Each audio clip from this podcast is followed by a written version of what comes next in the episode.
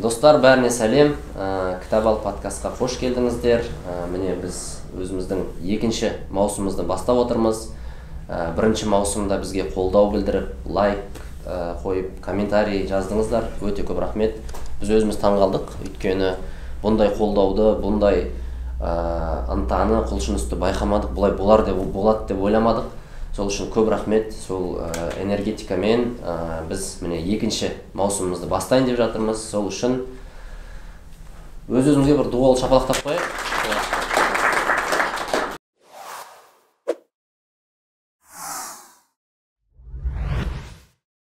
Бұл екінші маусымның ерекшелігін байқап отырсыздар құрметті ә, ютубтан көріп отқан достарымыз. Ә, бізде қазір көрермендер бар оффлайн көрермендеріміз бар. Қолдауға келіп отырған бір ерекше контент болады деп ойлаймын.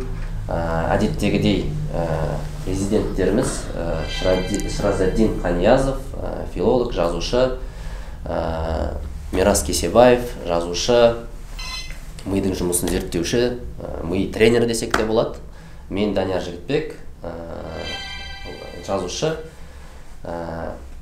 Біз енді екінші маусымды бастап жатырмыз. Екінші маусымның ерекшелігі неде болады десеңіздер екінші маусымда біз ә, кітаппен қатыс кітапқа кітап оқушының көзімен ә, қоғамдағы бір үлкен тақырыптарды ашуға тырысамыз.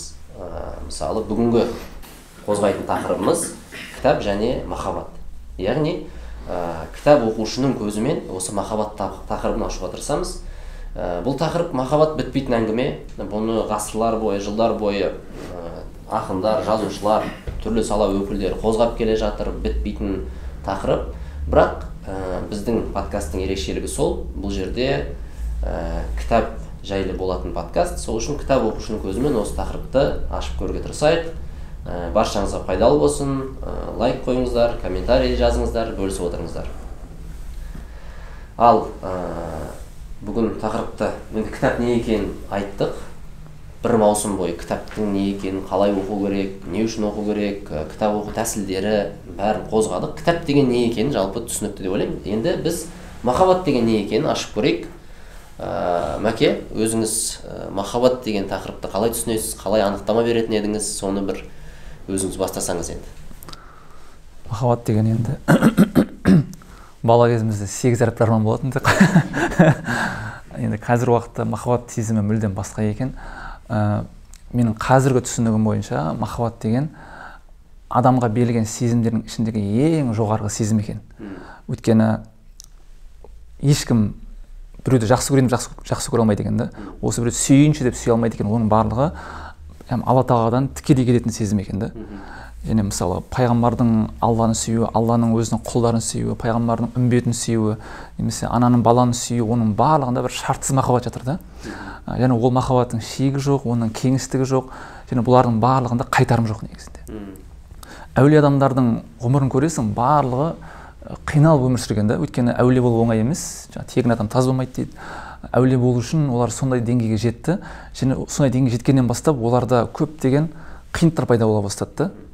Және ол сондай қиындықтармен қалай көтерді? Ол махаббат арқылы көтерген да яғни мені жақсы көріп тұрған жоғарыдағы тұлғаның махаббаты маған жеткілікті дейді да сол жақсы көріп тұрса маған ешқандай басқа қиыншылық ешқандай сынақтар мен үшін маңызды болмай қалады дейді ал ондай махаббаты жоқ адам кез келген нәрседен нәрседе оның махаббаты суып кетеді да. Немесе мысалы тұрмысқа шыққаннан кейін тұрмыстың тірліктері тұрмыстағы тіршілік күйік тірлік деген оның махаббатын жеп қоюы мүмкін сөндіріп тастауы мүмкін. Немесе арада байлық түссе немесе бір мансап түссе оның махаббаты белгілі деңгейде есепке құрылған шыға келеді да бір немесе құмарлық болып шығуы мүмкін. Ал бағанағы мен түсіндірген махаббат ол сезімдердің ішіндегі ең ұлысы екен негізінде. Солай түсінемін қазір. Ә, біз ә, мына былай келістік былай келісіп алайық. Ә, мына махаббат деген өзі жалпы ұғым.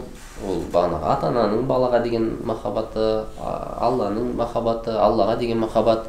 Бірақ біз ә, бүгін ә, ер мен әйелдің арасындағы махаббат деген ә, тақырыпты алайық. Өйткені бізде көп кітаптар сол тақырыпта жазылған. Сол үшін сол тақырыпты да бір айтарыңыз болса бір қоса кетсеңіз. Әр адам қайталамастылығы ғой негізінде.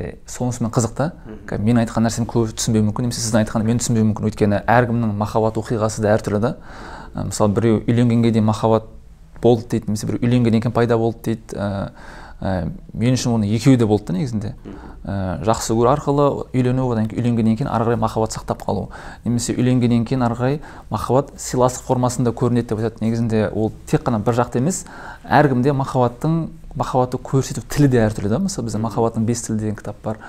Сол жерде көрінеді. Және махаббатты ойласаң махаббатты көрмейсің да. Махаббат деген көбінесе сенің іс әрекетіңнен өзі автоматты түрде байқалады екен негізінде. Осыны махаббатты арттырайыншы деп емес ол сенің мынау түп санаңмен сезіну арқылы содан бір әрекеттер шығады екен да. Сол арқылы мысалы әйеліңе жылы сөз айтасың немесе жаңағы әйеліңе сыйлық жасауың мүмкін деген секілді яғни есеппен емес. Бүгін пятница бүгін жұма бүгін мен гүл әкелуім керек деген емес. Өзің шынайы әкеліп әкелгің келген кезде сыйлықты әкеліп беру немесе гүлді сыйлау немесе бір жақсы сөз айту деген секілді. Мысалы мен комплиментке өте нашар адаммын да. Мен тіптен андай тамақ тамақ тамаққа да комплимент айтпаймын немесе әйеліме де комплимент айтпаймын. Ә, бірақ соны кішкентай бал қызымнан үйреніп жүрмін да. Кішкентай қызым мысалы былай жасайды. Тамақ әкеліп жатса вау дейді да қандай күшті тамақ мынау дейді да сөйтіп тамақтың бір дәм дәмін көреді да мама дәмді екен рахмет саған күшті дәм тамақ дайындапсың жасы үште ғана бірақ ол кімнен үйреніп жүр ол? Білмеймін. Қаяқтан үйреніп жүргенін білмеймін. Оған біз үйреткен жоқпыз да. Ол точно менен үйренген жоқ өйткені олай айтпаймын да. Әйелім де олай айтпайды мысалы енді өзі істеген тамаққа өзі айтпайды ғой. Кітап оқымай бір кітаптан оқыған жоқпын махаббаттың бес енді білмеймін енді мен жоқта не оқып жүрген немесе садикте не оқып жүргенімді құдай біледі. Енді тамақ жеп болғаннан кейін мамам тамаққа рахмет күшті дәмді болып тағы да айтады да әйелім маған қарайды көрдің ба? деген сияқты ше. Мен сонымен кейде қызыммен жарысып анда санда ғана бірінші айтуға тырысамын. Бірақ ол жаңағы онның бірінде ғана да қалған ол онның онда да қызым ұмытпайды айтуды. Демек кішкентай баланың өзі маған сабақ беріп тұр да яғни мен содан үйреніп солай айтуым керек негізінде ше. Негізі махаббаттың тілі деген кітап бар білесіздер. Сол жерде бір тіл ғой бұл махаббатын білдірудің сөз арқылы иә комплимент сөз деген бар ғой. Ал сіздің махаббат түріңіз қандай? Мысалы өзіңізді қай кезде сүйікті сезінесіз мысалы? Ана бесеу бар еді біріншісі комплимент екіншісі сапалы уақыт сосын сыйлық сосын физикалық қарым қатынас сосын төртіншісі қызмет ету қай кезде өзіңізді сүйікті сезінесіз деген мен аралас сияқты. Кейде мен сөйлескенді жақсы көремін да негізінде. Әртүрлі тақырыптарға сөйлескен. иә. Не сияқты ғой жаңағы. жұбайлар бар әңгімесі таусылған ал махаббат таусылмайтын әңгіме деген шахановтың өлеңі бар ғой сол секілді. Маған көбінесе сөйлескен ұнайды өйткені менде интеллект бірінші тұр ғой негізінде. Соған байланысты сияқты негізінде. Интеллект бірінші тұр ма демек маған ойымды бөлісетін және менің ойымды қабылдай алатын маған соған түсініп қарсы сұрақ қоя алатын яғни тең деңгейде сұхбат жүргізе алатын нәрсе маған көбірек шабыт сыйлайтын сияқты. Бұл неге жататын сияқты? Сапалы уақыт. Өйткені мен байқаймын сіздің сторизеріңізде неден ана бала бала шағаңызды бір жаққа апарып бір жерде отырып ол сапалы уақыт өткізуге жатады ғой. Мысалы қыдыру мысалы мен ол жағынан кішкене шорқақтаумын да. Сапалы уақыт деген менде кішкене аздау жалпы бір тест бар. Мен оны орыс тілінде бар ма жоқ па білмеймін. Қазақ тілінде жоқ шығар. Ыыы ағылшын тілінде бар. Ана махаббаттың бес тіліне қатысты. Ол ол жерде ә, біз гарри чепмен деген кітап кісіні білесіздер. Махаббаттың бес тілі қазақ тіліне аударылған. Біздің дүкенімізде бар. Ә, алсаңыздар болады. Ә, жалпы сол тестте мынандай нәрсе айтады. Ә, махаббаттың бес тілінің процентажын шығарады. Процент мысалы. ә, комплимент сізде қырық процент. Сапалы уақыт жиырма процент деп процентпен бөліп береді да. Мүмкін кейде қырықта қырық болып қалуы мүмкін ғой. Жақсы. Бәке рахмет. Сіздің сөзіңізден түсінгенім ә, махаббат деген жалпы андай түрленіп тұратын нәрсе формасы өзгеріп тұратын нәрсе да. Бұл кейде ә, мысалы мына жақта көбі әлі тұрмыс құрмаған үйленбеген адамдар сияқты біздің көрермендеріміз келген қатысып отқан. Бірақ ә, бір айтарым ә, бізде кейде адамдар үйленгенге дейінгі махаббатты үйленгеннен кейін де күтуі мүмкін. Содан бір нетеді проблема болуы мүмкін да. Бірақ махаббат ол түрленетін нәрсе. Бұны біз кітаптардан білдік өмірден білдік. Ә, жақсы рахмет. Ал шәке өзің негізі жақында ғана үйленген сол үшін бұл кісінің оқиғасы маңызды. Жоқ жақында дегенде бір жарым жыл болды үйленгеніне ә, негізі әдетте кез келген нәрсеге бір пікірім бар ғой менің. Бірақ нақты махаббатқа бір ойымда бір анықтама жасай алмай жатырмын жаңадан бері ойланып отырмын. Сөйлеу барысында шығатын шығар иә. Бастау керек шығар. Ә, немесе махаббатты қалай көрсетесің қазір деген сияқты. мен негізі өте қалай айтсам болады жаңа сіз секілді сараңмын сезім көрсетуге сараң адаммын да. Істеп жатсам содан ақ түсінікті болу керек қой деген сияқты бір өзімнің нем бар мысалы тамақты жеп жатсам демек дәмді ғой деген секілді да. иә жеп жатсам демек дәмді ғой деген сияқты. Ә, сондықтан бірақ ә, кейде нені ұмытып келе жатамын да енді ер мен әйелдің жаратылысы екі түрлі ғой. Және мен тек фактпен есептесем кішкене қосымша бір басқаша нелер бар да есептеу категориялары әйел кісі үшін ә, ә, кішкене былай сезімтал болғаннан кейін. Сол бірақ мен өзім әңгіме айтқанды жақсы көремін. Әңгіме айтқанда былай әзіл емес не емес жай бір пайдалы күшті әңгімелерді енді мүмкін сапалы уақыт шығар. Иә сапалы уақыт өткізгенді әйелім енді кейде енді ол да тыңдай береді. Мен ә, қиын нәрселерді айтып кетемін кейде. Анау бүйтіпті мынау бүйтіпті содан кейін мынау бүйткен екен. Ана америкадағы он жетінші банк кеше банкрот болыпты. Ақшасын бір күнде елу пайыз не депозит салғанда шығара алмай қалыпты деген сияқты айтып отырамын ол да тыңдап отыра береді. Ішінен андай емес па? иә дей бер иә дей бер. жоқ бәлкім солай шығар. Бірақ енді солай не істеп ә, жақсы әңгіме айтып барынша екі жаққа да пайдалы. Әр сұхбаттан кейін сұхбат басталғаннан бұрын кішкене көбірек ә, молырақ ақпарат білетіндей кішкене болсын білімдірек шығатындай екі жаққа да пайдалы болып. Енді бірімізге енді ол кісіге де сондай жауапкершілікпен қараймын қараймын жалпы өзіме өзімнің өміріме жауапкершілікпен қараймын. Отбасыма да жауапкершілікпен қарауға тырысамын. Қазір мысалы ұлды болдық жақында. Ә, соның өзінде қазір қайда беремін қандай оқуға беремін қанша тіл үйретемін қандай салаларды меңгеру қажет қандай спорт түрлеріне беремін қандай аспап, аспапқа беремін ә, скрипка ма виолончель деген сияқты қазірден таңдап бастап жатырмын да. Сондықтан әр нәрсеге былай жауапкершілік қой негізі махаббат жауапкершілік секілді. Ал махаббат бар ә, жауапкершілік бар жерде махаббат бар. Иә ал ә, махаббаттың артында жауапкершілік тұрмаса яғни сен өзің сөзіңе ісіңе немесе қызға жігітке жасаған әрекетіңе жауапкершілік ала алмайтын болсаң демек ол махаббат емес. Ол бір сәттік симпатия болуы мүмкін немесе қарапайым нәпсі болуы мүмкін деген секілді. Сондықтан ә, жауапкершілік бар жерде ғана махаббат болады деп ойлаймын енді өзімнің пайымым бұл жерде мына жауапкершілікте өте жақсы айтты шәкең. Ә, ғашықтық деген сезім бар ғой. Ғашықтық деген бұны бағанағы герри чепменнің кітабында гарри чепмен ба қалай еді? Гарри чепменнің бес харри харри. иә сол жерде ә, бір басында айтады да жақсы. Ә, не деп? Ғашықтық кезінде жауапкершілік жоқ қой жерде. Екеуі бір бірін жақсы көреді ештеңе андай жауапкершілік алмайды өз өзіңді өзгертуге деген жауапкершілік алмайсың. Қалай бар солай өмір сүре берсің ол бірақ оның оты басылады ол уақытша нәрсе. Содан кейін ә, кім жауапкершілік алады? Қарым қатынасқа деген жауапкершілік өзінің ә, дамуына деген жауапкершілікті кім алады? Ә, ол отбасылық өмірде де қатты білінеді. Өйткені ә, бұрынғы от алау сезім басылады. Сол кезде жауапкершілік алып шығады. Махаббат жаңа деңгейге көтеріледі жауапкершіліктің күшімен жақсы жігіттер рахмет ә... бізде жаңағы ажырасу да содан көп болатын сияқты иә иә ә, бағанағыдай ғашықтықпен үйленеді ғашықтықпен үйленеді өйткені ол жерде жауапкершілік жоқ ғашықтықта қашан жауапкершілік пайда болады уже үйленген соң сен уже ер кісі үйдің жаңағы қауіпсіздікпен тамақпен киіммен қамтамасыз ету керек деген секілді. Одан кейін барып енді бұл онсыз да негізгі қажеттіліктер одан бөлек жаңағы махаббатпен қамтамасыз ету жаңағыдай түрлі сезіммен ыстық сезімдермен қамтамасыз ету деген нәрсе бар. Сөйлесу керек жұбайымен деген секілді. Арада оны интеллектуалдық немесе экзистенциалдық сұрақтар сұхбаттар жүру керек деген секілді. Сол кезде ғана оның жауапкершілігі толық атқарылады да. Ал ә, бірінші андай кісілер бар. Тамағын алып берсем болды басын үй алып берсем болды киімдерін алып берсем болды дейді. Ә, екінші кісі бар оны да жасамайтын кісілер бар да. Ана кеше оқып жатырмын бір жігіттер айтып жатыр дейді да отырып алып.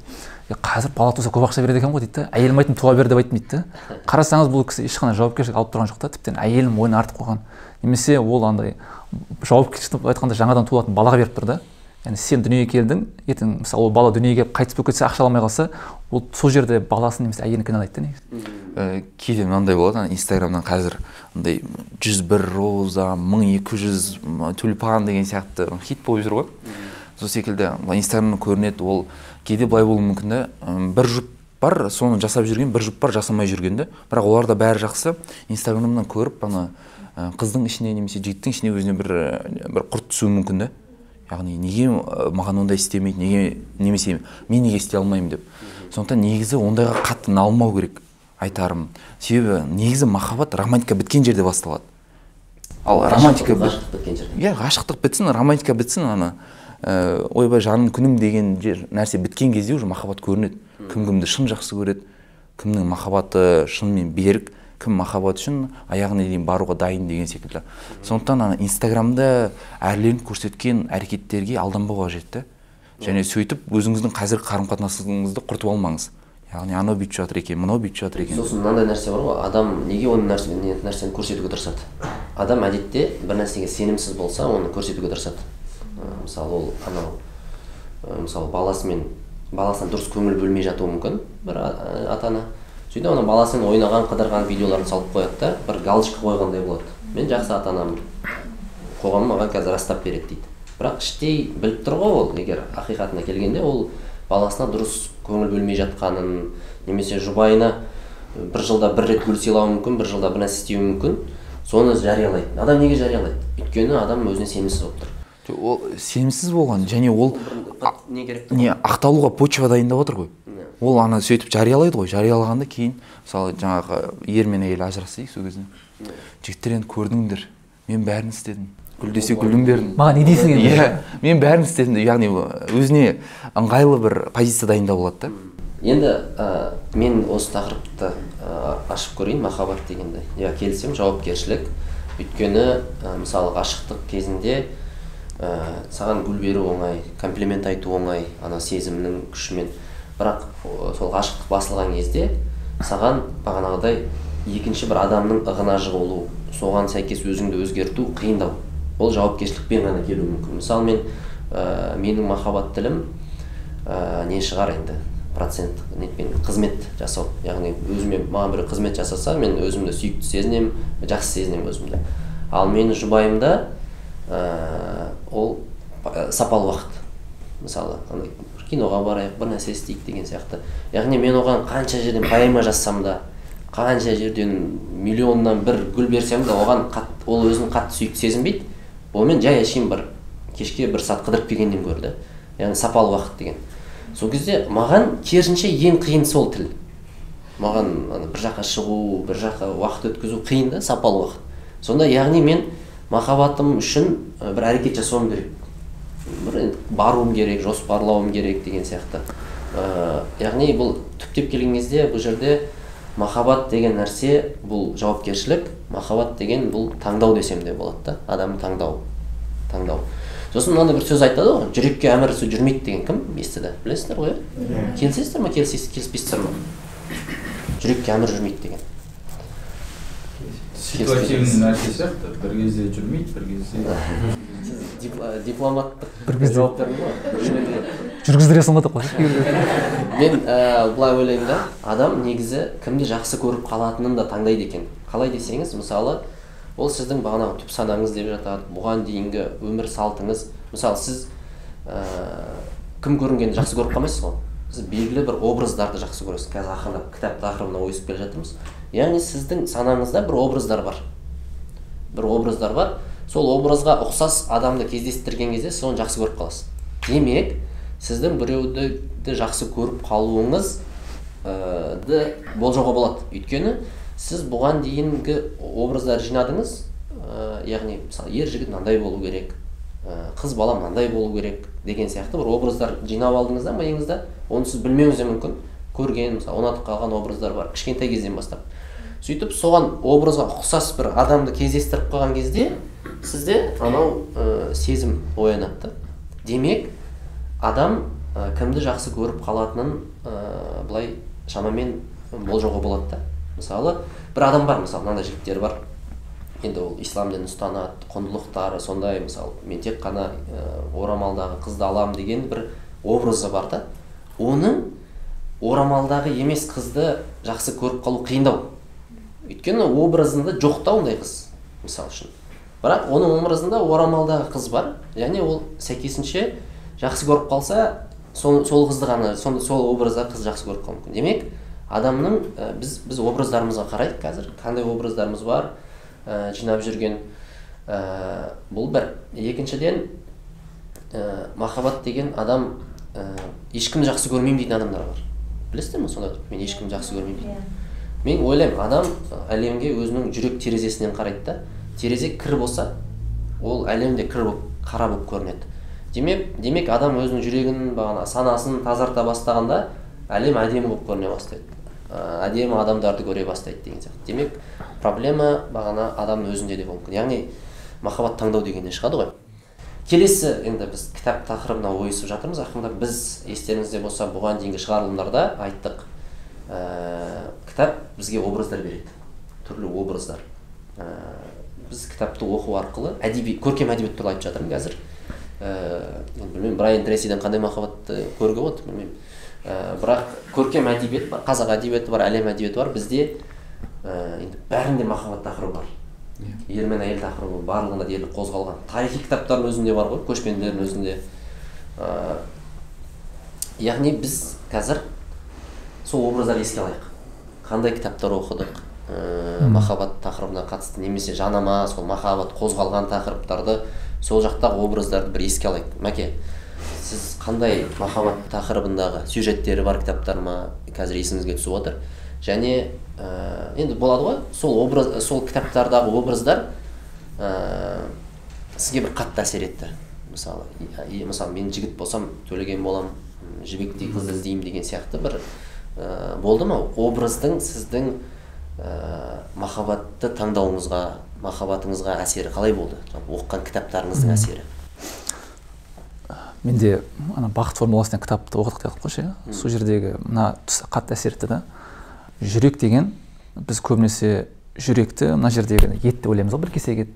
Мына хадисті естіген кезде де жаңағы адам ағзасында бір кесек ет бар ә, ол бұзылса бүкіл дене бұзылады деген. Біз көбінесе осы жүрек дегенді ойлаймыз дейді етпен тұрған ол негізі тек қана қанды айдайтын бір орган ғана дейді. Ал біз айтатын жүрек деген нәрсе осы жүрек орналасқан ұяшықтың ішінде тұратын рухани әлем бар. Мысалы қағбаның үстінде бәйтул мағмұр деген бір рухани қағба бар да. Мысалы періштелер оны әйтеуір өмірінде бір рет ә, бір не жасайды? Тауап жасайды яғни бір бір рет барған періштенің екінші рет кезегі келмейді дейді сол секілді мына жерде жүрек бар рухани жүрек. Бүкіл ағзаға бұйрығын жүргізетін осы нәрсе да мысалы мен жақсылық жасаймын ба жасамаймын ба? Ә, ә, немесе жамандық жасаймын ба? Әлде ізгі іс жасаймын ба деген секілді барлығы осы жүректен бағынады екен. Бұл жүрек деген былай айтқанда осы президент сек- секілді дейді бүкіл ағзаның. Президент секілді. Ал ақыл деген нәрсе ол соның премьер министр былай айтқанда бас уәзір дейді да. Барлық осы премьер министр президенттің айтқан бұйрықтарына байланысты шешім қабылдайды дейді. Ал адамда ашу ыза деген бар құмарлық деген нәрсе бар түрлі сезімдер бар да. Мысалы осының ішіндегі құмарлық деген нәрсе ол қаржы министрі секілді дейді. Егер оны дұрыс басқара білсең ә, ол нәрсе ақылдың айтқан нәрсесін орындап ә, жүректің әмірлерін дұрыс жүргізе алады дейді. Яғни мысалы құмарлық деген мысалы өзінің жаңағы отбасыңа деген жаңағы жақсы көру сезімі бар. Мысалы дүние жинау отбасыңды асырау деген нәрсе бар. Немесе мансапқа құмарлық бір адамдарға жақсылық жасайын деген секілді. Спортқа құмарлық деген нәрсе бар. Ал егер бұл шектен шығып кететін болса бұл қаржы министрі елдегі бүкіл қаржының бәрін өзіне алып алғысы келеді дейді сол үшін ол кез келген іске барады дейді жаңағыдай. Ең сұлу әйелді алғысы келеді ең сұлу машина алғысы келеді ең сұлу үйді алғысы келеді деген секілді. Былай айтқанда оның құмарлығы шектен шығып кетеді дейді. Ал ашу ыза деген ол қорғаныс министрі дейді егер оны дұрыс жұмсай білсең ол сені жаудан қорғайды немесе жаман адамдардан қорғайды әділетсіздіктен қорғайды деген секілді. Ал егер оны шектен шығарып жіберсең ол басқаларға әлімжет жасай бастайды. Барлығын қолында ұстағысы келеді барлығын бақылауда ұстағысы келеді былай айтқанда тоталитаризм дейді да госпереворот жасайды иә. дейсің С- сондай болып кетеді. Сол үшін оның барлығы бағанағы ақылдан шығады дейді ақылдың дұрыс басқарып ал ақыл деген тек қана жүректің әмірін орындайды.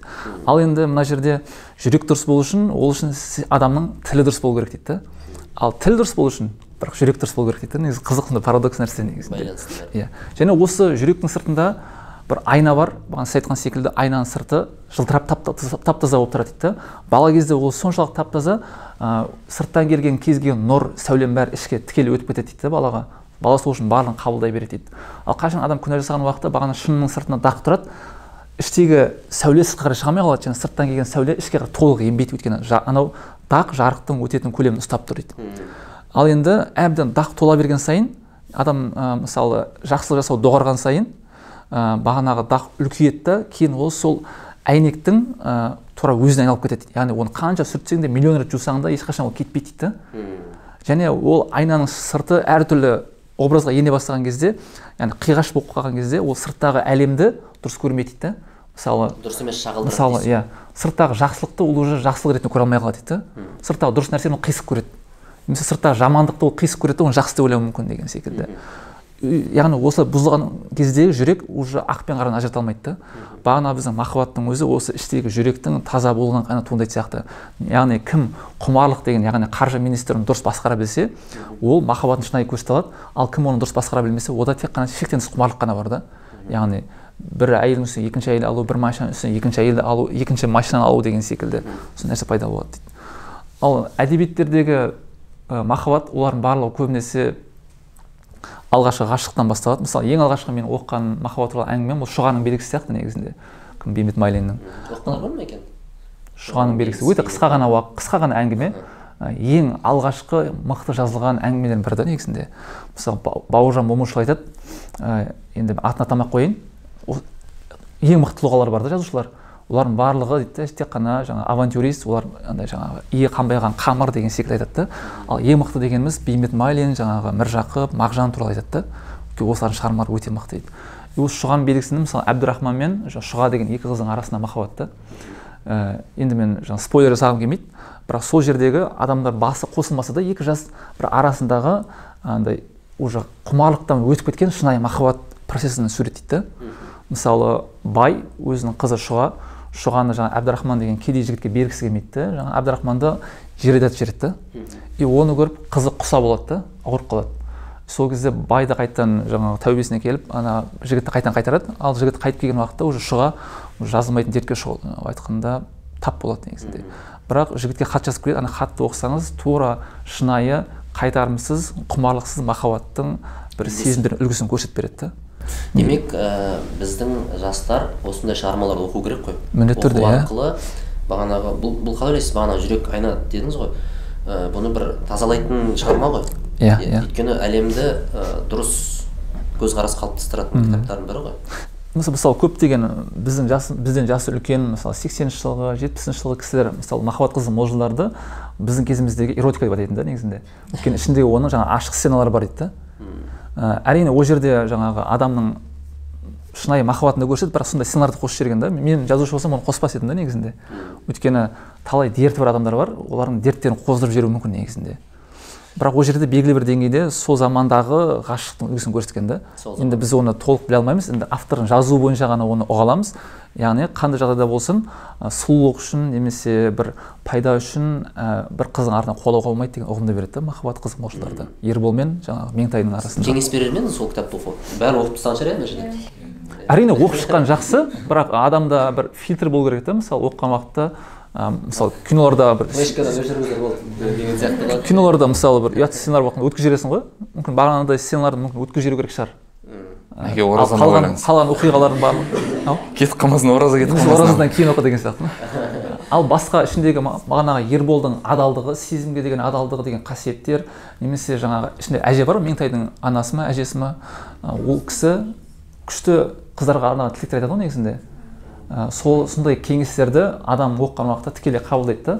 И өзіне сол қасиеттер сіңіре бастайды немесе қыз бала бағана меңтайдың бойындағы бір жақсы қасиеттер сіңіре бастайды. ұл бала болса ерболдың жаңағы махаббатқа сезімге адалдығы деген нәрсені өзіне сіңіре бастайды деген иә секілді әркім өзі көргісі келген нәрсесін табады ғой ол жерден негізі. Кітапта былай да негізі мен бір байқайтыным кітапта махаббатты драматизировать етеді да. Яғни мысалы мен әлі бір кітап кездеспедім андай. Екі жас үйленеді бала шағалы болады жақсы қартаяды балалар оқиды өсіп кетеді. Со- соған негізделген бір кітап көрмедім да яғни өтпейтін жаңағы еді ондай кітап. Оқылмас еді ғой құрметті көрермендер егер сондай кітап көрсеңіздер астына жазып қойыңыздаршы. Иә. Сондай кітап болсын. Біз оқиық ондай бар ма екен ондай? Бәрі тып тыныш. иә не байға не кедейге бермеген біреу өліп қалмайтын біреу соғысқа кетпейтін біреу алдап алып кетпейтін бір. Тек өмірде ондайлар көп қой негізі олардың проценті көп қой өмірде. Бірақ жаңағы аз процентті әсірелеп көрсетеді да кітап. Мен ойлаймын кейде адам мысалы кітап сондай кітаптарды оқып өзінің қазіргі қарым қатынасын құнсыздандырып жібере ма деп. Яғни махаббат деген андай екен проблема екен. Менде бәрі жақсы болса демек не то мына адам менікі емес деп. Неге қиналмай жүрмін деп? Иә. Мысалы шакер сен осы бағанағы сұраққа қалай жауап берер едің қандай кітаптар оқыдың? Ой.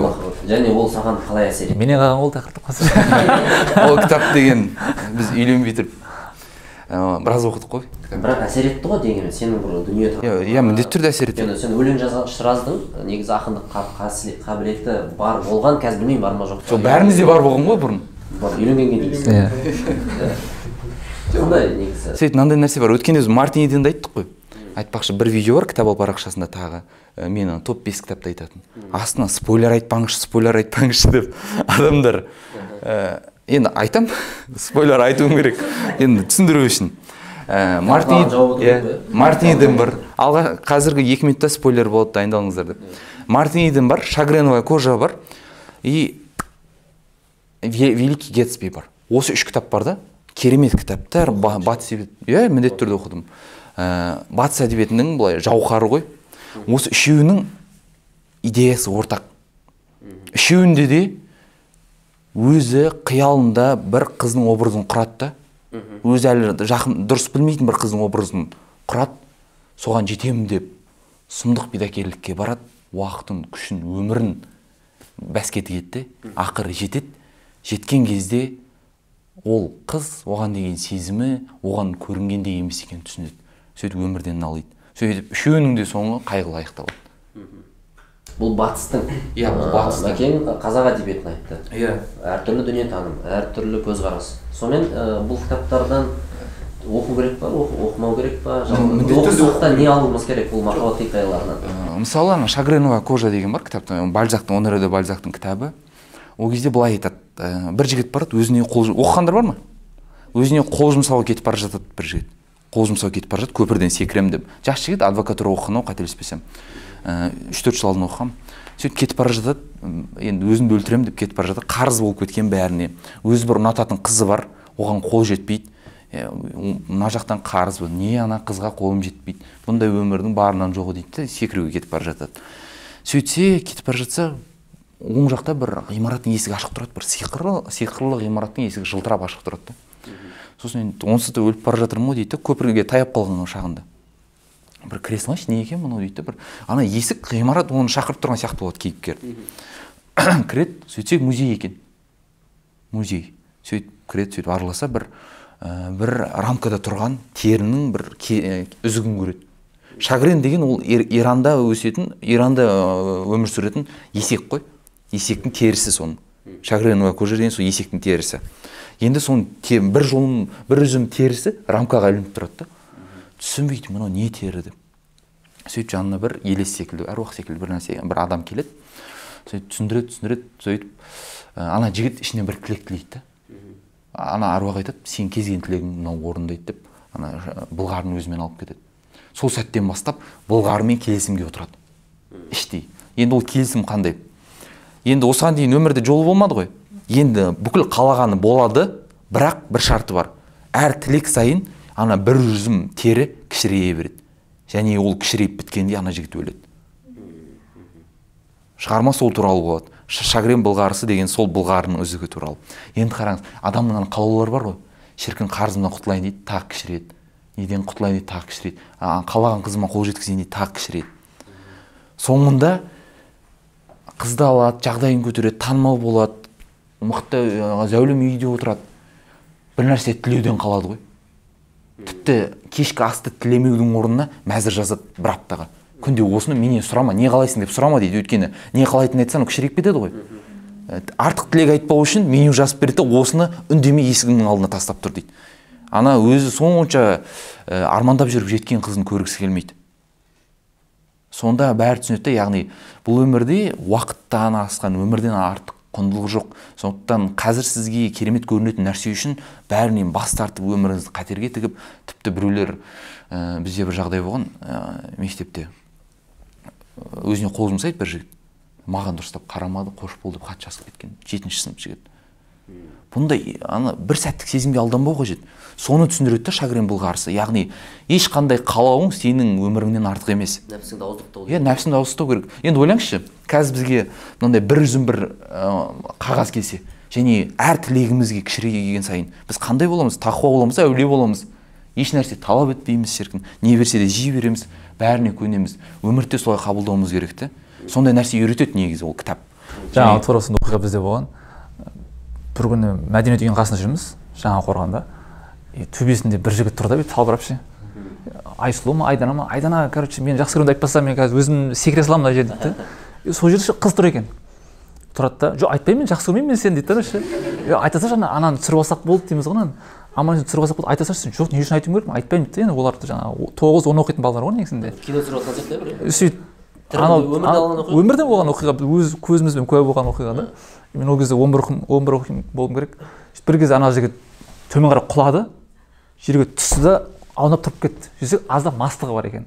Мас адам негізінде көбінесе мас адамдар негізі сынбайды денелер. Өйткені оның денесіне ми емес организм былай айтқанда анау мидың ортасындағы не бар ортаңғы ми бар сол басқарады да ондай кезде ше адам қанша құласа да ол андай саналы түрде құламайды да аяғым тіреп қалуым керек деп ойламайды да қазір.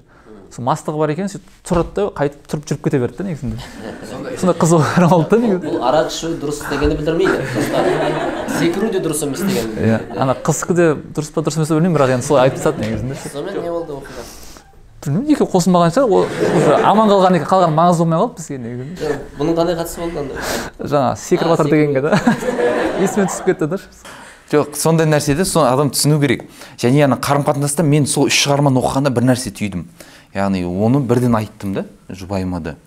Адам өмірінің мақсаты мәні қылып мысалы ер адам әйелді қоймау керек. Әйел сол бір ұлы мақсатқа жетудегі серік та ол. Жанында бірге жететін адам. Бірақ сен ұлы мақсатың әйелге жету болмау керек. Ана үш шығармада бас кейіпкердің ұлы мақсаты сол болады да. Мартин иден руфқа жетемін дейді. Ә, великий гетсби Дейзи, Дейзи. иә дейзиға жетемін дейді. Ә, шагренде де бір қыз бар. Яғни бәрі қыз үшін істейді да. Ақыр соңында ол қызға жеткеннен кейін ол мақсат сонша педакерлікке татымайтынын түсінеді. Сондықтан сіз үлкен мақсат таңдаңыз және сол мақсатқа сізбен бірге жететіндей бір жақсы серік таңдаңыз. Махаббат деген сол. Ал ана елестетіп болады ғой ана ә, бір рет жоқ десе ол не емес деп андай қиыншылық жақсы көретін әдейі қиындатып өзін ұнатпаса да артынан қалмай тұрып қаратқан жақсы көретін жігіттер ә, көбінесе сәтсіз бітеді да ол нәрсе. Өйткені сен өмір бойы оны қаратып жүре алмайсың. Себебі егер сен өзің еркек бола тұра ер адам бола тұра бүкіл энергияңды уақытыңды әйел кісіні қаратуға жұмсасаң ол өз потенциалын дұрыс атқармайды ол энергия. Өйткені үлкен мақсаттар үшін жаралады да. Ал әйелде де сондай. Мен мына жігітке тұрмысқа шығамын деп емес. Ол жігіт менің бір мақсатқа бір өзім миссиямды орындаудағы бір серігім болсын. Мен дүниеге осындай миссияға жететіндей ұрпақ әкелетіндей бір серігім болсын жұбайым болсын деген секілді мақсатпен ниеттену керек та. Әйтпесе мен мынаны қаратуым керек осыны ә, осы күшті болса осыған қол жеткізсем болды деген ол тығы- тығырыққа апаратын пікір. Мен мынандай бір ой келіп тұр да бізге жалпы ә, жазушыларға бәлкім ә, мынандай нәрсе кітап жазу керек сияқты. Ә, бағанағы үйленгеннен кейінгі. Өмір туралы махаббат хикаясы ше? Бар ма? Бар ма? Қандай бар? Махаббат жыры ма махаббат жыры оқып көру керек иә мен де бастап отырмын. Ә, махаббат жыры ә, өйткені былай қарасақ көп шығармаларға қарасақ қазақ әдебиетінде де қосылмайды. Ана байқайсыздар ғой? Еңлік кебек қыз жібек тағы да оқиғалар көп. Абай мен тоғжан қалқаман мамыр қалқаман мамыр бір андай бір болады да бір ана шың ғашықтар қосылмайды деген сияқты. Бір қиындықпен келеді да махаббат деген. Соны мен ойлаймын. Енді ол жерде көбінесе ә, әлеуметтік қоғамдық мәселелерді бірінші кезекте өйткені ата анасының рұқсаты жоқ бай мен кедей деген сияқты тақырыптар. Бірақ сонда да ә, кімде? Сондай установка бар. Бірақ бар ғой онда қосылған. Қазақ әдебиетінде бар ғой. Қалыңмал романы бар. Қалыңмал. Осы Спандияр көбеевтің. байқайсыз ба? Ә, бір бағана қалыңмал ә, бейімбет майлин бұл кісілер кеңес үкіметіне дейінгі әдебиет қой қазақ Иә. әдебиеті иә. Өзі қысқа ғана ғұмыр болса да ә, жалпы бір біздің бір замандасымыз бір қатты сынайтыны бар. Мынау қазақ әдебиетін кеңес қазақ әдебиетін мойындамаймын дейді. Өйткені ол жерде цензура бар. Ә, сосын тағы да белгілі бір бәлкім бір талаптары бар шығар да. Ана сондай талап бар. Мысалы бағана шұғаның белгісінде ә, ескі феодалдық ә, жаңағы түсінікті жойғысы келеді да. Иә. яғни бай кедейге қызын бергісі келмейді деген нәрсені жойғысы келді. Ал қалың малда ә, ол жерде бағанағыдай қызын күйеуге бермей тұрып ә, жаңағы қалың мал алып да оны ал жаратады да негізінде. Бірақ қызы қашып кетеді жаңағы ғайша қашып кетеді да. Тұрлығұл деген жігітпен кейін бас қосады. Ол жерде осы идеяны насихаттайды да яғни әке шешеңнің феодалдық ескі түсініктен арылып қазір заман жаңағы тыныштық еркіндік қалаған сүйген жігітпен қосыла бер деген сияқты ұғым не қылады да. Енді екеуі де бір жағынан қарап отырсаң тікелей тура мағынада абсолютті шындық емес негізінде. Біріншіден әке шешенің разылығын алып отырып алып отырып ә, яғни саған өмірің жар болатын адамға шығу керек қой негізінде ше. Бірақ мына жерде енді оқиғаны бақытты хаппи эндпен аяқтайды негізінде жаңағы ғайша мен тұрлығұл деген нәрсе. Ол да тура екеуінде де цензура бар деген айтқым келген. Қайсы қандай цензура? Ол ол кеңес өкіметіне дейінгі әдебиет я- әлде ол кейін мысалы бақытсыз жамал ол алғашқы қазақ романы? Мың тоғыз жүз он үш қай жылы жазылған иә? Ол жерде цензура болды. Цензура дегенде бағана осы идеяны насихаттаған үшін ол кітаптар сол уақытта шықты да жарық көрді. Біреуінде жаңағыдай ә, бұрынғы ескі қазақи ә, ата анаңның ғана айтқан адаммен немесе атастырған адаммен ғана тұрмыс құрасың деген нәрсеге қарсы шықты еді адамдар да жаңашылдықты насихаттады иә. Не мұндай негізі фактілер бар әдебиетте? Мысалы абай жолы жарық көреді ғой. Сол кезде әдейі сол шығарманы абайдың мұрасын жеткізу үшін жарық көрсету үшін сол мұраны қалдыру үшін ана кейде ана құнанбай байқайсыздар ма? бір құнанбайды кішкене бір олқылықтарын сипаттап жібереді абай жолында. Абайдың соны бір әдебиетшілер айтады тарихшылар. Әдейі сондай элементтер қоспаса шыға- шығаруға мүмкіндік бермейтін еді дейді. Яғни кішкене бір сондай жаман қасиеттерін қоспаса ә, о- ол шығарма мүлдем жарық көрмейтін еді дейді да сосын мынандай нәрселер мұхтар мағауиннің жармақ деген шығармасын оқыдыңыздар ма? Мұхтар Мағауин. жармақ деген күшті өте керемет оқыңыздар. Сіздермен қалай сөйлесесіз енді қалай сөйлесеңіз мен мейлі сөйлесе беремін кішіпейілмін ғой. Сонда жармақта мынандай болады. Қателеспесем мұрат пен марат деген екі адам болады. Екі адам деген бір адам. Марат деген. Бір қызбен енді кішкене жағдайы жоқ. Енді мен бұрын оқығам кішкене былай жалпы детальдарын ұмытуым мүмкін. Бірақ жалпы картинасы есімде. Бір қыз ұнатады сонымен кетейік дейді да қыз мен ертең кетемін дейді. Үйленетін болсақ қазір бірге кетейік дейді. Ана не жігіт оқуын бітіріп алайын ана мен қалай өмір сүреміз аш қаламыз ғой деп уайымдап жүреді да. Сөйтіп түнімен аунақшықтап жатады. Бараймыз ба бармаймыз ба деп жігіт ойланады да. Мен кетейін ба кетпейін ба үйленейін ба үйленбеймін ба или жағдайымды жасап алайын ба или оқуымды бітіріп алайын ба? деп. Таңға дейін ойланады ұйықтап қалады. Сөйтсе ертесіне ана қызы ізім қайым жоқ. Қыз таппайды. Сөйтіп біраз уақыттан кейін бір тойға тап болады. Тойға тап болады. Сөйтсе ортада бір той болып жатады. Сөйтсе ана келіннің орнында жаңағы қыз отыр. Және ал жі- жігіттің орнында түрі өзінен аумайтын бір адам отыр. Бірақ сол той қонақтарына мынау кім десе мұрат дейді. Яғни өзі марат анау өзінен аумайды. Сонда енді бұл кішкене фантастикалық не ғой? Анау и- екі ойлы болып тұрғанда ішінен екіге жарылып кеткен ғой. Эгосы бөлінген Иә. алтер эго деген сияқты. Біреу өзіне сенімді мен осы қызды жақсы көремін бірге алып кете аламыз кез келген қиындықты еңсереміз тәуекел ете аламын деп бір жартысы кетеді де екінші жартысы. Жоқ мен дайын емеспін оқуымды бітіруім керек жағдайымды жасауым керек деп қалып қояды. Сонда екеуі екі түрлі өмір өрбиді да ана керемет ә, суреттейді сол ана таңдауды таңдау еркін жармақ мұхтар мағауин роман ғой бұл иә роман. Интернетте бар оқысаңыздар болады. Иә керемет иә. Ә, махаббат тақырыбындағы кітап десек Иә. болады бұны иә? Не кеше бір өзім жақсы көретін фильмдердің э, топын айтқам сонда быть с тобой деген корейский фильм бар э, екі мың он сегізінші жылғы. Сол кезде бір қызық жағдай болады. Ана қызды ұнатады да. Ә, енді қызды енді қарап танысқысы келіп жүреді сөйтіп артынан аңдып жүреді сөйтсе автобуста. Ана муракамидің норвег орманы деген кітабы бар.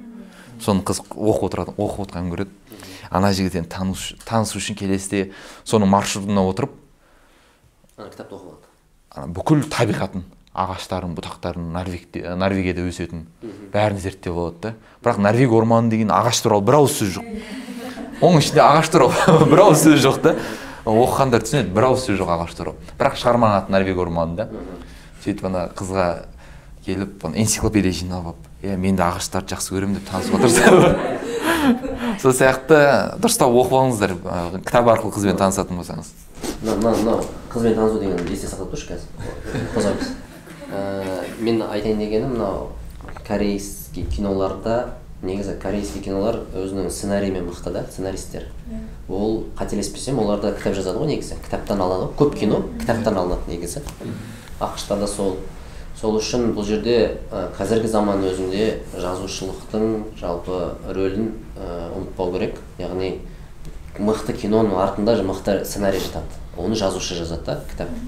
Сол үшін ә, біз енді айтып жатырмыз біз кітап ал компаниясы қазақстанды кітап оқитын елге айналдырамыз деп жатырмыз. Бірақ ә, кітап оқитын ә, халық бізде баршылық өсіп келе жатыр. Бірақ кітап жазатын адамдар да керек бізге. Мысалы өткен жолы бір сапарда болдым да бір ә, итальяндық ә, нелер болды туристер енді сұрап жатырмын да сіздерде кітап оқу қалай италияда? Бізде осындай мынандай жеке даму психология бизнес кітаптар танымал десек олар айтады бізде ол түсінбей тұр да мені қандай кітаптар дейді да ол? Брайан трейси деген уже түсінбейтін сияқты олар ше Қай- қайдағы кітап ал деп жатыр кітап ал деп айтқан жоқ сонымен қарасам олар андай кітаптар оқиды екен да. Новелла бар ғой. Соның менің ойым түсінігім бойынша бір сексен тоқсан проценті махаббат хикаялары да. Олар демалу үшін оқиды екен да кітапты. Бізде кішкене кітап андай идеологиялық құрал ғой. Ағару бағана даму деген сияқты. Оларда әшейін. Көңіл уақыт өткізу деген сияқты. Бірақ сонда да менің ойымша бізде болашақта соған қарай баратын сияқтымыз. Қазір мынау кітаптармен біз кітаппен достасып аламыз. Одан кейін халық кішкене терең нәрселерді талап ете бастайды. Ол әдеби формада болады деген сияқты. Яғни ә, бізді көріп отқан ә, болашақ жазушылар болса жаза беріңіздер іздене беріңіздер бізге. Және ол жақта байқағаным бізге сондай жазушылар көп керек. Байқағаным кітаптар қатты мұқабат емес өйткені мына жұмсақтың өзі бір нені білдіреді ғой. Бос уақытта демалғанда жолда оқисың дегенді білдіреді ғой. Қиналмай бір оқисың бізде қатты қатты кітаптар бір сыйлайсың. Болмаса бүйтіп отырып оқисың дегенді білдіріп тұр ғой қатты. Кітап қатты кітаптың өзі. Оларда кішкене сондай. Мысалы көрдім шетелдік кітап дүкендерін аралап жұмсақ кітаптар. Біз де соған келетін сияқтымыз болашақта. Ә, бізде ондай кезең болған ғой негізі. Тек қана көркем әдебиетті көп оқитын кезең. Совет дәуірінде ә, ең көп кітап оқыған мыс- мысалы кеңес өкіметі кезінде кітап оқитын ел болған негізі содан кейін кішкене оны жоғалтып алдық. Қазір енді кітаппен қайта достасып жатырмыз. Ә, менің ойымша біз бағанағыдай ә, новелла деген өтетін сияқтымыз көркем негізі бізде қазақстанда мынандай нәрсе бар да жапон әдебиетін онша бағаламайды негізі жапон әдебиеті деген өте керемет мына орыс әдебиеті жапон әдебиетінің жанында ойнамай қалады. Сонда рунеско акутагава деген автор бар. Соның бір керемет қысқа новелласы бар. Оны новелла новелла король дейді да рунесконы қысқа 15-20 беттен тұратын әңгімелер жазады бірақ ана әңгімелер енді сен орысшасын оқыдың ба? орысшасын оқыдым. Қазақшасы да бар оның. Ә, бізде ә, студен- студенттік кітапханада болған университетімізде. Ә, сонда бір әңгімесі бар. Атын ұмытып тұрмын қазір. Кейін бірақ ә, табуға болады. Ә, мынандай болады. Бір ерлі зайыпты ә, күйеуі әйелін онша жақтырмайды да. Жақтырмайды басқа қызға ой кетіп жүреді. Махаббат тақырыбы енді махаббат қой енді. Иә. Басқа қызға ой кетіп жүреді. Сөйтіп енді бірақ ажырасу керек қой. Ажырассаң не в тему в общем Жапония. иә себеп керек. Иә. жапонияда иә? Иә себеп керек. Себеп таппай жүр. Ә, сөйтіп ажырасайын десе не істейді. Бірақ ана қыз не істеп жатыр арам ойлар мазалап нәпсі арбап бара жатыр. Сол кезде жер сілкінеді ғой. Жер сілкінгенде үйлер кішкене қирап қалады да. Ә, жер сілкінгенде сөйтіп ана кімнің жұбайының былай ә, белінен төмен ә, басып қалады қабырға. Бірақ ол жұбайын көтеру көтеріп алуына болады. Сонда бір минут кідіреді ғой анау. Сол кезде ойланады да құтқарайын ба құтқармайын ба? Бәлкім бұл қайтыс болса мен бақытты болып кететін шығармын ана ойындағы қызбен деп. Сөйтіп кідіреді. Сөйтіп екі ойлы болып тұрады шешім шығара алмайды. Ана жерде әйелі көмектес көмектес дейді ана ғимарат қысып бара жатыр. Ақыры әйелі қайтыс болады. Енді шығарма содан кейінгі ар ұяттың күресі туралы ғой. Анау өзін енді ананы өлтірген ә, қабырға ма күйеуі ма? Кім? Мен қанішермін бе? Немесе жай ғана көмектесіп үлгермеген адаммын ба? Яғни немесе қайғыдан қан жұтқан жесір ә, күйеуімін ба деген секілді ғой. Ә, шығарма сол арпалыс туралы да. Және жапон әдебиетінің сондай бір керемет тұстары бар. Сонда қол жұмсайды өзіне иә иә қол жұмсайды. Енді анадан кейін қол жұмсамасаң ұят қой. жалпы жапон әдебиеті сондай бір терең тұстары бар да ана қызық қайшылықтармен. Соны оқыңыздар рунеско акудагаваны міндетті түрде оқыңыздар. Мысалы жаңағы махаббат қызық. Және анау автор беруі де қызық та яғни. Сен қолыңмен зиян етпейсің. Бірақ кішкене әрекетте кідіресің да соның өзіне сен өзіңді бір қанішер секілді сезінесің. Ана кітаптың кереметі. Ана шығарманы оқығанда бір керемет сезімдер бойлады кейбір адамдардың махаббаты басқа біреуге үйленсе де сөнбегеніне таң қалдым да. Мысалы бізде естай қорлан бар иә. Ә, мысалы мұхтар шаханов өлеңді керемет жеткізеді. Мысалы естай мен қорлан қоса алмайды. Ә, соңында қорлан басқа біреуге тұрмысқа шығуға тура келді кім жаңағы қалың малын төлеп қойды деген секілді. Бірақ ә, естайға махаббат ретінде алтын жүзік беріп кетеді да қолына сол соны елу бір жыл бойы тағып жүрмін дейді. Жаңағы елу бір жыл бойы әйелім маған қызғанышпен қарап келді дейді. Кейін қайтыс болатын кезде жаңағы ербол деген досын шақырып алады. Сөйтіп маған шалдарға айт қарсыласпасын. Мына жүзікті маған елу бір жыл бойы мынау тірі өмірімде маған шуақ шашып келді. Енді қалған өмірімде де көрді де маған шуақ шашсын шалдар айт қарсыласпасын мен осы жүзігімен қосып жерлесін дейді да. Сөйтіп сол осы оқиғаны естіген кезде жаңағы хорлан кемпір болып қалған әбден жаңағы жаңағы еңкілдеп жылады дейді да. Олай істемесе естай естай болар ма дейді да. Яғни ол сол кезінде ғашық болған кезінің өзінде естайдың бойынан үлкен бір азаматтылығын көрген да сол үшін соған лайықты ретінде бағанағы жүзікті сыйлап отыр да. Кейін өзі де қайтыс болатын кезде күйеуін сыртқа қарай шығарып жібереді да немересіне жаңағы естайдың әнін салдырып барып қайтыс болды дейді да негізінде. бақыттымын бақыттымын деген сияқты. мүмкін ол образына ғашық болған шығар қорланның. Қорлан өзі сондай екеуі үйленген кезде мүмкін басқаша өмір сүріп кетер ме еді да ол әшейін образға ғашық болып өткен шығар. Титаниктағы джек пен кім сияқты ма? А екеуі кейін тағы түскен кино бар ғой ортасып жатады ғой екеуі негізі Иә, иә. Дорога перемен барлығы егер екеуі тырғағанда осымен аяқталады деген сияқты.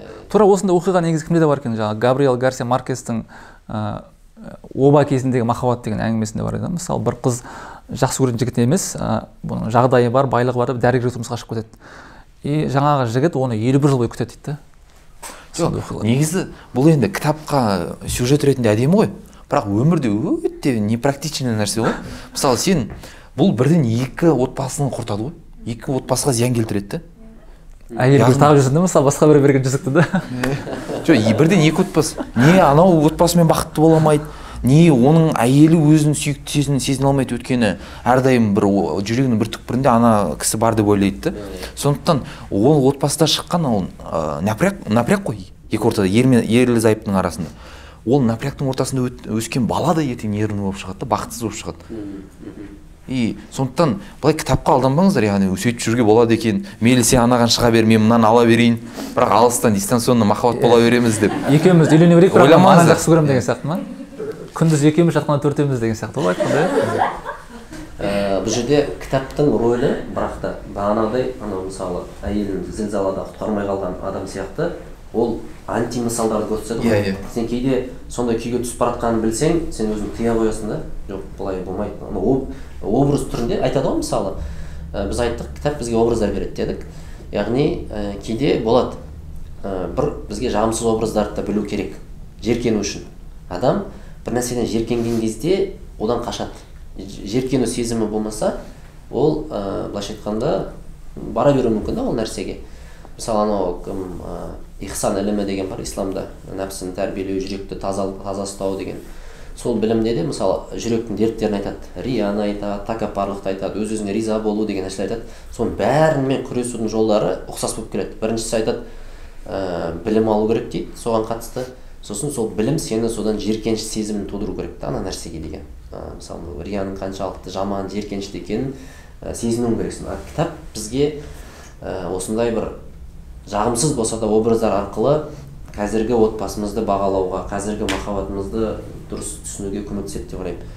Енді жігіттер қандай кітаптарды үлгі ретінде айтар едіңіздер? Мысалы мынау кітапты оқысаң сен махаббаттың ә, тырнақшаның ішінде дұрыс формасын үйрене аласың деген сияқты. Қандай әдебиет бар? Менің ойымша енді өмірде болған оқиға ғой негізінде.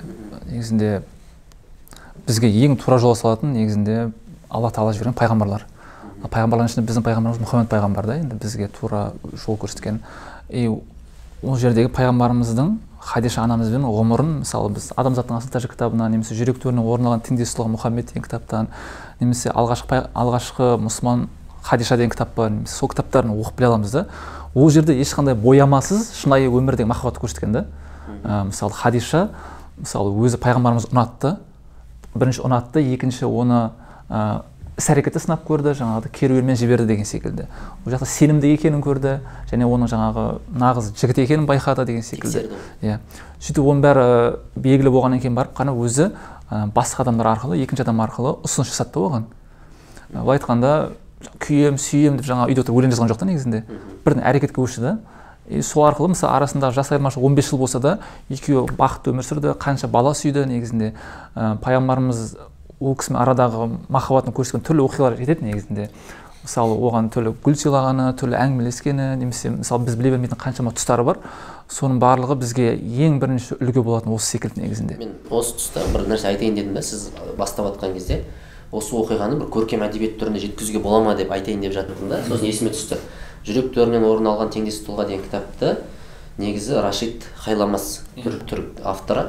Сол кісі әдеби стильде жазған негізі. Байқайсыз ба сол? Бүкіл анау нені? Өмірбаянын пайғамбарымыздың әдеби стильде жазған да мен өзім таңқалдым Ә- әдетте ол өмірбаяндар сиралар андай болып жазылады ғой. Бүйтті мына жаққа Деректер. деректер ретінде жазады. Ал бұл кісінің ерекшелігі бұл кісі ыыы былайша айтқанда әдеби стильде жазған. Мен оригиналын оқымадым әлі бірақ біздің ғалымбек ағамыз аударды. Аудармасының өзі әдеби ғой негізі. Иә керемет кітап иә. Демек ә, бұл бір шығармашылық еркіндік қой. Мысалы егер біз ә, мысалы пайғамбарымыз үлгі тұтсақ өмірін үлгі тұтсақ ә, бәлкім ә, неге соны әдеби формаға келтірмеске деймін да? Мысалы кішкене бір әдеби бояулар қосып кішкене драматургия қосып мысалы драматургия деген мысалы сценарий өнерінде мынандай нәрсе бар. Ә, оқиғалар белгілі бірақ соның реттілігін өзгерту арқылы сценарий әдемі болады да. Сол, сол. осы кітапта тағы бір оқиғаны айта салайын мысалы кейбір әйел кісілер э, күйеуі егер дұрыс емес адам болса соған еріп кетеді яғни мысалы әйелі күйеуінің дінінде болады деген нәрсе бар да негізінде. Ә, мысалы ана жерде бір оқиға бар. Ә, хайбарды алуға келеді да хайбар бекінісін алуға келеді. Сол жерде бір әйел кісі өзінің күйеуін қатты жақсы көреді екен да. Енді олар нақты жеңілетінін біліп тұр. Өйткені пайғамбарға ешкім қарсы шыға алмайды ана жерде. Иә. сөйтіп енді не істейміз деген уақытта ә, кім айтады күйеуі айтады анау диірменнің тасын ал да жоғарыдан төмен қарай домалатып жібер дейді да. Сол біреуді өлтіреді кейін мен де өлемін сен де өлесің екеуміз ана жақта бірге боламыз дейді да. Сөйтіп ол соны айтқанын істейді да бағана үлкен диірменнің тасын жоғарыдан төмен қарай жаңағы әйел домалатып жібереді. Ол барады да бір сахабаны шейіт қылады негізінде. Кейін ә, жаңағы хайбарды алғаннан кейін ішінде бүкіл еркектен бәрі өлтірілгеннен кейін ә, бұл әйелдердің балалардың барлығын алып келеді тұтқын, тұтқын ретінде. Оларға өте жақсы қарым қатынас жасайды. Тіпті айшаның өзі бағанағы әйелмен сөйлесіп ол әйел әзіл айтып күшті отырдық та. Бір кезде бағана сахабаны шейіт қылған әйелді тауып келіңдер деген уақытта сол әйелді алып кет дейді да мен түсінбей қалдым сен бағана бір күшті әңгіме айтып отыр едің ғой дейді не үшін кетіп барасың деген уақытта ол бағанағы бір адамды диірмен тасымен өлтірген айтып бер дейді не үшін жасадың деген уақытта мен күйеуім маған солай деп жаса деп айтты. Мен күйеуім айтқанын орындап отырмын. Мен күйеуімді жақсы көремін. Ол өлді. Мен де соған кегімді алып отырмын. Әрі ана жақта бірге боламыз деген сияқты оқиғаны айтады да негізінде. Демек ә, отбасындағы ер кісінің рөлі қатты байқалады екен да. Егер күйеуі дұрыс емес болса оның әйелі де сол күйеуінің жаңағы түсініктеріне еріп кету ықтималдығы өте жоғары болады екен. Иә. бағана айтқанымыз сол ғой сол үшін кітап оқитын адамға тұрмысқа шығу керек. Вот. Мына қайтадан Иә. қозғады осы тақырыпты. Осы нәрсе өте маңызды. ә, мынандай нәрсе бар да. Ә, кітап мен мысалы махаббат деген сөзді бір конфуций ма айтқан сөз бар ғой. Ол жан тән сосын ақыл. Үшеуінің ә, біріккен кезінде үшеуі де әр мысалы жа- жан сүйіспеншілікке ақыл құрметке тән құмарлыққа жетелейді дейді да. Сөйтіп үшеуі түйіскен кезде махаббат пайда болады дейді да. Яғни былай да адам әдетте өзінің ә, рухани деңгейіне қарай ә, сосын ә, ақылына қарай адамды сүйіп қалу ықтималдығы жоғары бағана айттық қой махаббат ол сенің түп санаңдағы ә, таңдауың. Бұл өмірде сәйкес келіп қалған кезде сол адамды жақсы көресің деген сияқты. Сол кезде м, мынандай нәрсе бар да әдетте мысалы кітап оқитын адам басқаша. Келісесіздер ме? Мысалы мына жерде бізде көрермендер отыр ә, кітап оқитын адамдар деп ойлаймын жүз пайыз. Бірақ кітап оқымайтын адаммен байқайсыздар ма? Қиындау сөйлесу. Кітап оқымайтын адаммен сөйлесу өте қиын. Ә, өйткені кітап оқитын адам ол ойланады. Оның сөз саптауы басқа қызығушылықтары басқа. Сол кезде енді ә, мысалы мына жерде бізде аудиторияда көбі енді әлі отбасын құрмаған жастар деп ойлаймын. Мен де кеше жатырмын да уайым былай уайым ба бір андай не бар? Мысалы шын қалайсың да мысалы қазақтың жастары бір бақытты болса екен өзінің теңін тапса екен деп ойлайсың да мысалы ә, ерте жаста жалпы үйленген жақсы ғой негізі. Мысалы 22 жаста оқуын бітіріп мүмкін одан да ерте егер жетілсең. Бірақ бізде мынандай проблеманы байқадым да бізде ә, көп мысалы қыздарға қиындау. Мысалы мына бәленше жасқа жетеді ол енді айта алмайды ғой маған мен үйлен тұрмысқа шыққым келеді деп қысылады ұялады дейді. Сосын уайымдап отырмын енді ә, қарындастарым деп ойлаймын. Ә, бұл қалай ә, мысалы енді ерте тұрмысқа шыққаны қай жағынан алсаң да дұрыс та? Психикасы жағынан ә, денесі тәні любой ақылы жағынан ә, тұрмысқа ерте шыққан үйленген ер- ерте үйленген жақсы негізі не үшін үйлену керек деген кітап бар ә, соны оқысаңыздар сол жерде толық жазылған. Авторы данияр жігітбек ә, өте тамаша адам. сол кісі жақсы нәрселер айтады кітабын оқысаңыздар болады. Жалпы уайымдап отырмын да қалай не істесе болады деп сөйтіп мен есіме ә, енді қалай бұларды бар мен білем кітап оқитын ә, жігіттер бар кітап оқитын қыздар бар. Бір бірін таныса тапса қалай не істесе болады деп ойлап отырмын да сөйтіп өз тәжірибеме қарадым. Біз кезінде бұл кітапқа тікелей қатысы бар махаббатқа да қатысы бар. Біз кезінде ә, мен 22-23 жасымда оқу бітірдім. Мен университет кезінде ойладым бітті мен. Қыз дегенде ойламаймын тек қана оқимын дедім тек қана оқыдым. Ә, сосын ә, оқу бітті. Енді үйленудің қамын ойлай бастадым 22-23 жаста.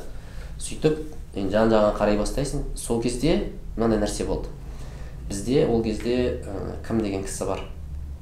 Шамиль әлеудинов деген кісіні білесіздер. Ә, біз енді ең ә, ол кезде енді дінге қызығып сөйтіп жүрген кезіміз және дінді бір артта қалу деп ойлап, ойлап жатқан кездер болатын. 2010 жылдар 2013 жылдар. сөйтіп бірақ мен білем ғой оған дейін жеке дамуға көңіл бөлгенмін кітап оқимын дамимын. Сонымен қатар дінді қатар алып жүру мүмкін екенін біліп тұрмын. Бірақ қоғамда бір қысым болатын. Дін ұстансаң қазір білмеймін қазір басқаша шығар. Ыыы біз сол жиырма екі жиырма үш жаста. Сол қысым болатын. Так сендер дін ұстансаңдар артқа кетесіңдер дамымай қаласыңдар деген сияқты. сөйтіп мен орта іздей бастадым ғой. Қай, қа- қай жерде бар осындай? Да- жеке дамитын және дін ұстанатын жастар деп. Сол кезде бізде сол шамиль әлеудиновтың ә, бір ә, семинарына қатысқан жастардың клубы болатын. Енді былайша айтқанда оқырмандар клубы десе де болады оны. Сөйтіп сол оқырмандар клубына барып ә, біз не істедік? Осындай кітаптар талқылайсың түрлі тақырыптарға сөйлейсің. Ә, сол кезде мен өзімнің ә, жарымды сол жақтан таптым да болашақ жарым менімен қатар бір қателеспесем бір жеті сегіз отбасы сол жерде құрылды да. Яғни бұл мынандай нәрсе да ә, бізде бағана айтып отыр ғой шәкең де не деп мысалы ютубта комментарийлар көрсеңіздер көп адам таңғалып жатыр да. Кітап оқитын осыншама жастар бар ма деген сияқты. Сонда мен бір инструмент ретінде ойладым. Осындай бір оқырмандар клубтары бізде жер жерде болса адам адам кейде ойлайды ғой мен ә, мен ғана дамып жатырмын деген сияқты болады ғой өзінің университетінде ортасында. Бірақ шын мәнінде әр жерде көп та ондай. Сол кезде бір инструмент ретінде сондай бір ә, қоғамда бір құралдар керек сияқты. Бізде мысалы бұрындары ата аналары ағалары үйлендірген сондай механизм болған. Қазір ұрпақ алшақтығы деген түсінік бар. Сонымен ол жағы қиындау болып тұр. Сонымен мен түсіндім да кітаптың үлкен рөлі. Ә, менің жағдайымда ол кітап деген нәрсе менің отбасы құруыма достарымның отбасы құруына себепкер болған үлкен нәрсе. Өйткені адам қандай кітап оқитынына қарап оны қандай екенін бағалауға болады. Яғни ол қандай кітап оқиды демек сен оның ә, неге қызығатынын қалай ойланатынын бірден түсіне қоясың. Ә, мысалы мүмкін қыз бен жігіт танысқан кезде қандай кітап оқисың деп танысу керек шығар. Өйткені бұл ә, өте сондай бір инструмент. Оқырмандар клубы деген бізде алматыда оқырмандар клубы бар. Ә, біздің кітап алда ә, жазсаңыздар болады. Ә, иә. бір нәрсе айта кетейінші. Сомерсет моем деген автор бар. Соның кармен деген шығармасы бар сыған қыз туралы. Оқиға испанияда болады енді. Испанияның сығандары біздік сияқты емес. Ол жақтың сығандары енді бізде элит- сағандар бар ма элитный сығандар ғой ол жақта. Сыған қызға ғашық болады да. Енді сығандар көбінесе андай бір ә, әрдайым билеп ән айтып бір сауық сайранмен жүретін бір ұлт қой.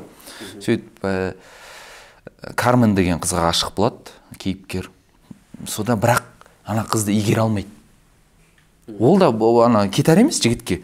Бірақ сонда да екеуі бір бола алмайды да ә, бір отбасы болуға жарамайды. Ақыр соңында екеуі бір бірін пышақтап екеуі өзін өзі өлтіреді да. Ә, бірінші жігіт кармен өлтіреді сосын өзін өлтіреді. Ә, сонда мынандай нәрсе бар да ана махаббат демекші. Жақсы күшті қыз күшті әйел дегенді білдірмейді. Күшті жігіт күшті күйеу дегенді білдірмейді да. Екеуінің категориялары екі түрлі да. Соны шатастырмау керек. Сондықтан ә, отбасы болатын адамды дұрыс таңдау керек. Ол өте маңызды. Мысалы жаңа ана карменде былай болады. Өте сұлу керемет сауық сайын ән күй енді адамның баурап алады ана автор суреттегенде ғашық болады. Бірақ бірге отбасы болып тыныш былай өмір өмір сүре алмайды да. Ақыр соңында тоқтата алмайды. Бір отбасылық өмірге әкеле алмағаннан кейін кармен айтады сен мені тоқтата алмайсың тоқтатқың келсе өлтір дейді. Күйеуі пышақты сұғады кейін сосын өзіне де қол жұмсайды. Бұл бұл шығармада нені түюге болады? Енді былай қарасаң оқиға жаман бірақ сонда да жаңағы айтқандай қазір ұнатып жүрген кісім қазір сөйлеп жүрген кісім ертең отбасылық өмірде сондай керемет бола ма дегенді бір сұрау керек та әйтпесе ә, жақсы жігіт пен жақсы күйеудің ә, критерийлері екі түрлі да мынау өте орынды айтылған сөз. Өйткені мысалы кейбір блогерлерді көреді да ә, блогерлерді көреді сосын ойлайды ә, үйленіп кетті десе не дейді? Минус один краш. Ойбай. Маған сөйтіп айтады да әке. Ана дейді ғой енді. Ол блогерді ол жақсы блогер болуы мүмкін бағанағыдай. Жақсы ә, жазушы болуы мүмкін бірақ жақсы күйеу дегенді білдірмейді да сол үшін. Ә, түптеп келгенде енді біз кітап оқуды насихаттаймыз ғой. Сол үшін кітап оқу керек. Кітап оқу арқылы ә, критикалық ойлай бастайсың адамды тани бастайсың. Ә, сосын ә, болашақ. Енді жақсы ғой мысалы мен тіпті бүйтіп айтамын да. Мен бір достарым бағанағы. Ә, кейін бізде құдай қаласа бір тақырып болу керек деп ойлаймын. Қалай ойлайсыздар? Кітап және отбасы деген. Керек деп ойлайсыздар иә? Жақсы оны бір бөлек қозғармыз. Бірақ ә, жалпы айтайын дегенім ә, мысалы адамдардың бағанағы махаббат таусылмайтын әңгіме дейді ғой. Та- әңгіме таусылмау үшін әңгімеге тұздық керек. Тұздық болу үшін кітап керек қой. Кітап оқыса бір кейбір отбасылар байқаймын гармония жақсырақ та кітап оқитын отбасыларда өйткені ә, қо- қозғайтын ортақ тақырып бар. Ә, ортаға салатын бір түсінік бар. Айтады ғой ә, төменгі таптағы адамдар олар адамдар туралы сөйлейді дейді адамдарды сөз қылады дейді. Орта таптағы адамдар оқиғалар туралы айтады. А жоғары санаттағы адамдар олар идеяларды ортаға салады дейді. Яғни біз жоғары санаттағы адам болу үшін ә, жалпы кітап оқиық. Ә, тіпті маған бағанағыдай жігіттер дамысын деп жатырмыз ғой. Бізде жігіттер көріп отыр деп ойлаймын көп. Жігіттерге таратыңыздар көрсін подкастты мынандай нәрсе бар да. Бір жігіт қыздар айтады да бір жігіттер жазады дейді қате жазады дейді да қазақша. Жауап бергім келмей қалады дейді да. Кітап оқымағанның кесірі ғой кітап оқыса дұрыс жазар ма еді ойлашы. Біріншіден дұрыс жазады грамматикалық. Сосын сөз, сөз саптауы жақсы. Сосын сөз саптауы жақсы болған адаммен сөйлескен қызық қой. Сол үшін жігіттерге ә, лайфхак. Ә, егер бір қызды қарату керек болса кітап оқыңыздар. Ә, кітапты кітап алдан аласыздар иә. Бұны мен анам да жасаған болатын мен екінші қарындасым тұрмысқа шығатын кезде енді жігітті өзі таныстырды отбасымен. И сол жігіттің инстаграмын алып бүкіл посттарын оқып шықтым дейді да. Қарасам өте сауатты қатесі жазады екен сөз саптауы өте жақсы и мен бірден келісім бердім дейді иә оқу оқу жазуға ұласады. Адам дұрыс жазған сайын ойды реттеледі ғой білесіздер ма адам жазу арқылы ойын реттей алады дұрыс сөйлей алатын адам ол дұрыс жаза алса демек ол дұрыс ойлана алады деген сөз. Дұрыс ойлана алса дұрыс шешім қабылдайды сосын отбасын ә, ұстап тұра алады деген сөз. Қадыр мырзалиннің сөзі бар ғой. Сүюге ешкім оқытпас оқытамын десе шақырт шақыртқыз махаббатта жоқ ұстаз бәріміз онда шәкіртпіз деген қателеспесем. Сода енді бағанадан бері шығармаларды айтып жатырмыз бірақ ә, мен өзім мына шығармадан махаббаттың үлгісін көре аласыз деп айта алмаймын да. Себебі ондай шығарма жоқ. Бірақ эрих фром деген автор бар искусство любить деген кітабы бар. Махаббаттың кез келген сатысын саралап дөп бөліп айтып берген ғылыми еңбек соны оқуды ұсынамын түсіну үшін иә. махаббаттың жалпы не екенін. Құрметті көрермендер құрметті ә, бізде ә, YouTube көрермендер залдағы көрермендер жаңа форматтағы шығарылымыз ә, аяғына тақап қалды. Барлықтарыңызға рахмет. Лайк басыңыздар коммент жазыңыздар. Сыйлық береміз ғой иә? Беріп иә біз. Сыйлық берейік. Ә, қандай пікір үшін сыйлық? Қандай пікір жазсын? Ә, кітап пен махаббаттың байланысы туралы иә или қалай жасақ болады? Бір ерекше пікір болу керек қой негізінде. Өзі мен мені мұндалап тұрады ғой Иә. пікірлер. Онда сол бүгінгі кітап және махаббат тақырыбында бір пікір жазыңыздар. Ә, біз негізі мынандай форматты жасап жатырмыз. Бұл жерде біз ә, жай ә, идея ортаға тастаймыз. Ә, жалпы комментарийдің өзінен білім алуға болады негізі. Ә, бұл бұны не дейді андай? Ә, knowledge дейді да яғни бір ғана адам үш қана адам ә, білім бермейді. Бұл жерде біз бәріміз бір білім қорын жасап жатырмыз. Сол үшін ә, пікір жазыңыздар ә, лайк басыңыздар таратыңыздар. Келесі шығарылымда көріскенше рахмет. Бізбен бірге болыңыздар.